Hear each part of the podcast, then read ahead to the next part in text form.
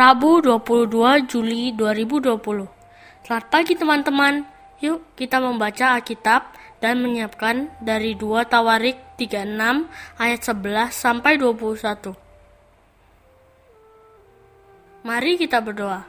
Tuhan Yesus, saat ini kami akan membaca firman-Mu, bukalah hati dan pikiran kami agar dapat mengerti apa yang Engkau ajarkan kepada kami. Amin. 2 Tawarik 36 ayat 11 sampai 21 Raja Zedekia Runtuhnya Kerajaan Yehuda Zedekia berumur 21 tahun pada waktu ia menjadi raja dan 11 tahun lamanya ia memerintah di Yerusalem. Ia melakukan apa yang jahat di mata Tuhan Allahnya dan tidak merendahkan diri di hadapan Nabi Yeremia yang datang membawa pesan Tuhan. Lagi pula, ia memberontak terhadap Raja Nebukadnezar yang telah menyuruhnya bersumpah demi Allah. Ia menegarkan tengkuknya dan mengeraskan hatinya dan tidak berbalik kepada Tuhan Allah Israel. Juga semua pemimpin di antara para imam dan rakyat berkali-kali berubah setia dengan mengikuti segala kekejian bangsa-bangsa lain rumah yang dikuduskan Tuhan di Yerusalem itu dinajiskan mereka. Namun Tuhan Allah nenek moyang mereka berulang-ulang mengirim pesan melalui utusan-utusannya karena ia sayang kepada umatnya dan tempat kediamannya. Tetapi mereka mengolok-olok utusan-utusan Allah itu menghina segala firman-Nya, dan mengejek nabi-nabinya. Oleh sebab itu, murka Tuhan bangkit terhadap umatnya, sehingga tidak mungkin lagi pemulihan. Tuhan menggerakkan raja orang Kastim melawan mereka.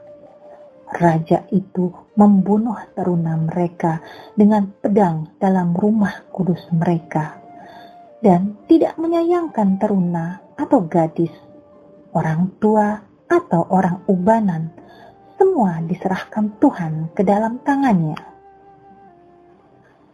Seluruh perkakas rumah Allah yang besar dan yang kecil, serta harta benda dari rumah Tuhan, harta benda raja dan harta benda para panglimanya, semua dibawanya ke Babel mereka membakar rumah Allah, merobohkan tembok Yerusalem, dan membakar segala puri dalam kota itu dengan api, sehingga musnahlah segala perabotannya yang indah-indah.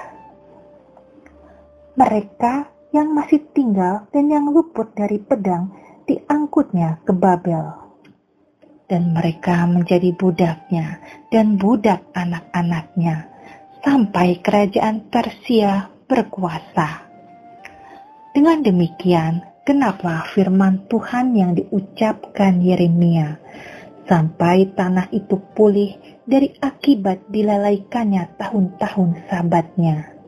Karena tanah itu tandus selama menjalani sabat, hingga genaplah 70 tahun. Demikianlah pembacaan firman Tuhan. Tuhan murka atas penghinaan terhadap para utusan. Teman-teman, dari firman yang telah kita baca, Sedekia yang menjadi raja dan bersumpah akan menjadi raja yang tunduk kepada Allah, tetapi kenyataannya tidak demikian. Di bawah pemerintahan Zedekia, rumah yang dikuduskan Tuhan justru dinajiskan.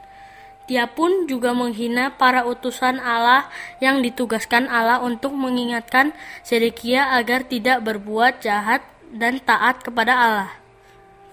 Tetapi semua itu tidak mengubah Zedekia, akibatnya Tuhan murka lalu menyerahkan bangsa Israel ke tangan raja orang Kasdim.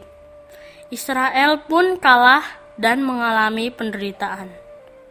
Teman-teman, Tuhan itu baik karena Dia tidak mau kita jatuh ke dalam dosa dan jauh darinya.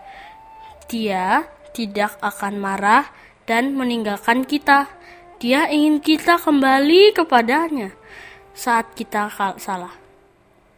Jika teman-teman adalah Raja Sedekia, apakah yang dapat kita lakukan sebagai anak Tuhan? Pernahkah Tuhan mengingatkan kita saat kita melakukan kesalahan? Misalkan melalui seseorang.